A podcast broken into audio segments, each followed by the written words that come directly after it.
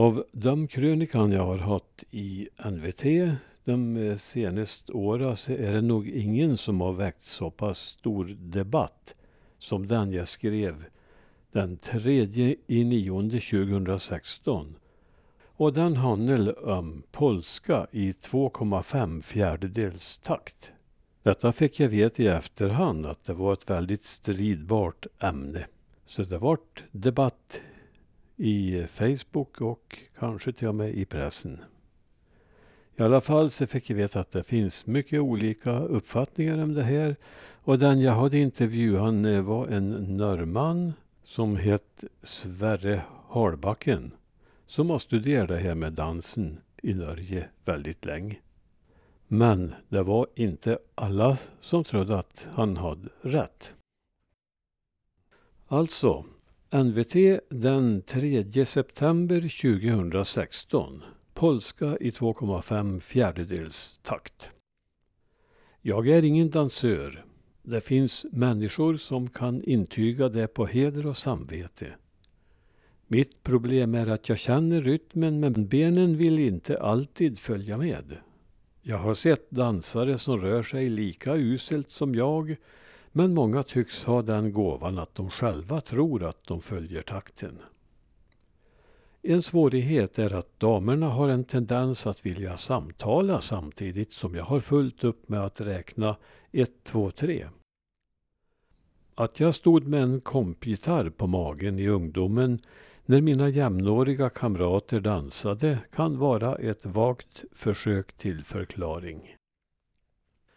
Däremot är jag fascinerad av musik och rytmer och ser gärna på uppvisning av skickliga dansare. Något som fängslat mig är den ojämna rytmen i polskdansen. Peter Karlsson i De blå grodorna sa en gång att den kunde liknas vid ett ovalt hjul. Jag förstår hur han tänkte men tyckte ändå att det borde finnas något exaktare beskrivning. Något av taktslagen tycks vara avkortat. Mina funderingar förde mig på ett oväntat sätt till Norge. För några år sedan skrev jag en krönika om grundsättsmarknaden i Elverum och berörde då den kulturspridning denna årliga tillställning innebar eftersom den drog till sig folk från stora delar av Norge och västra delen av Sverige. Här spelades och här dansades och härifrån togs och gavs impulser. För folket i norra Värmland var detta den absolut viktigaste marknaden under lång rad av år. Med tankarna fortfarande irrande i ojämn tretakt blev jag som genom tankeöverföring uppringd av den norske dans och musikforskaren Sverre Halbacken i Elverum. Vad han ville diskutera var min krönika om Grundsets marknad och tankar om dess betydelse i fråga om kulturspridning. Han var helt inne på tanken att denna uråldriga marknad i Elverum hade enorm betydelse för spridning och påverkan och det jag skrivit från svenska sidan bekräftade hans aningar. Genom marknaden och andra kontakter finns mycket gemensamt mellan musik i Värmland och musik på norska sidan. Repertoaren är till stor del densamma enligt Sverre. Sverre Holbacken är en auktoritet i Norge genom sin forskning. Han har stuckit ut med kontroversiella åsikter och farit hårt fram med en del gamla sanningar men han känner att han har fog för det han säger. För honom är det en självklar metod att inte bara se på notskrifter eller lyssna på musiken, utan man ska se till dansen och musiken som en helhet. Då först kan man med säkerhet säga var taktstrecken ska sättas. Sambandet med dansen har förbisetts av tidiga upptecknare. Själv har han lagt ner 15 års arbete på sin bok Så Surno kärring där ett stort antal intervjuer med gamla spelmän och dansare ingår liksom närmare 300 upptecknade låtar. 41 egna smalfilmrullar finns som grundmaterial. Själv är han också både dansare och musiker. Han har även gett ut dokumentation i form av CD och DVD med danser och låtar. Här borde jag kunna få klarhet i polskans hemlighet. Sverre är säker på sin sak. Polska spelades i Älverumstrakten och sannolikt i Värmland i en takt man kan kalla 2,5 fjärdedels takt med kort trea. Detta har han många belägg för från musiken, dansen och filmerna, till och med från gamla bilder.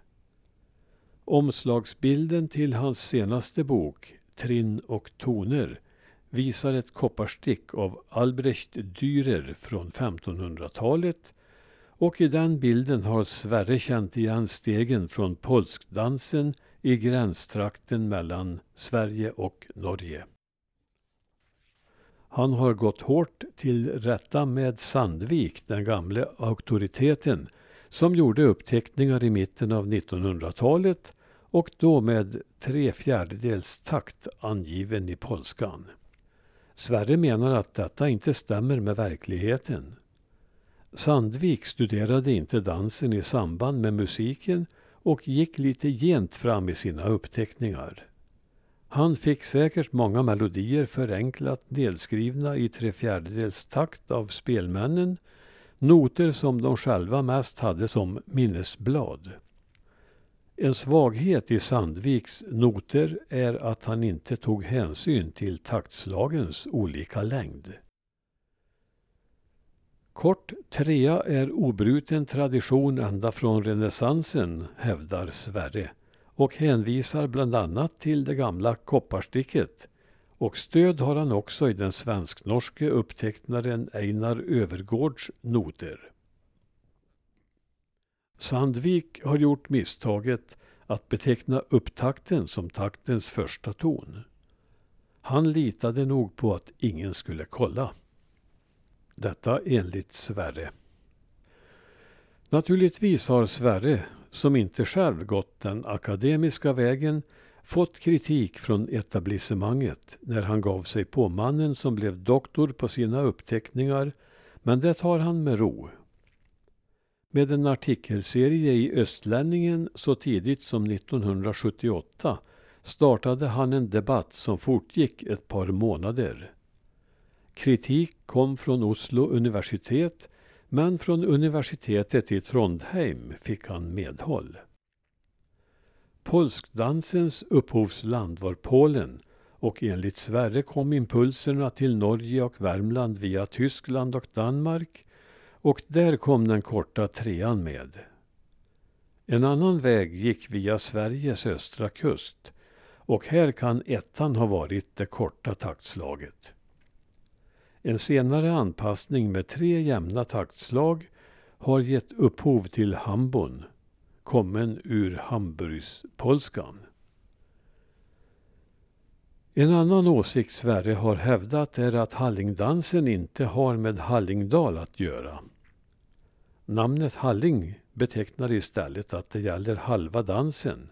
Första halvan som är en gångare eller fördans. En halving ser han på samma sätt som man kallar fjärdedelen en kvarting. För mig som lekman på området låter detta övertygande och jag tror mig förstå lite mer om det ovala hjulet. Det är en massiv dokumentation Sverre har lagt fram och ännu är han inte färdig.